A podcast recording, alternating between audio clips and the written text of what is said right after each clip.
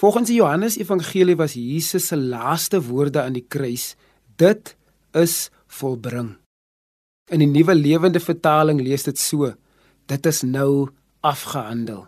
Met ander woorde, Jesus sê my werk is nou klaar.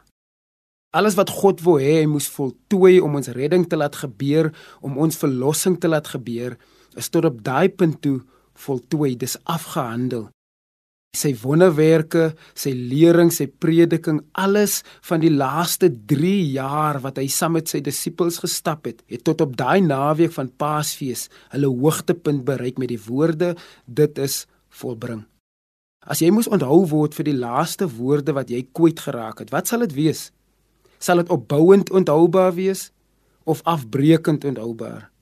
Sal mense jou laaste woorde met lof kan herhaal of in skaamte fluister.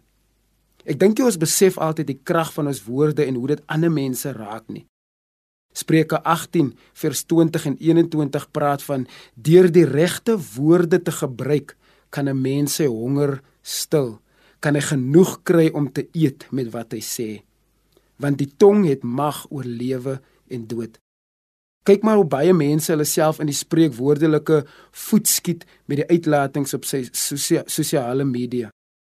Dit raak al makliker om net iets in die oomblik te sê en later die gevolge van dit te besef. Hoeveel verhoudings kon nie gered gewees het as die een persoon net besluit het om nie die laaste woord te wou hê nie? Hoeveel van ons sou nog in werke gesit het as ons nie maar net die laaste sê wou gehad het nie?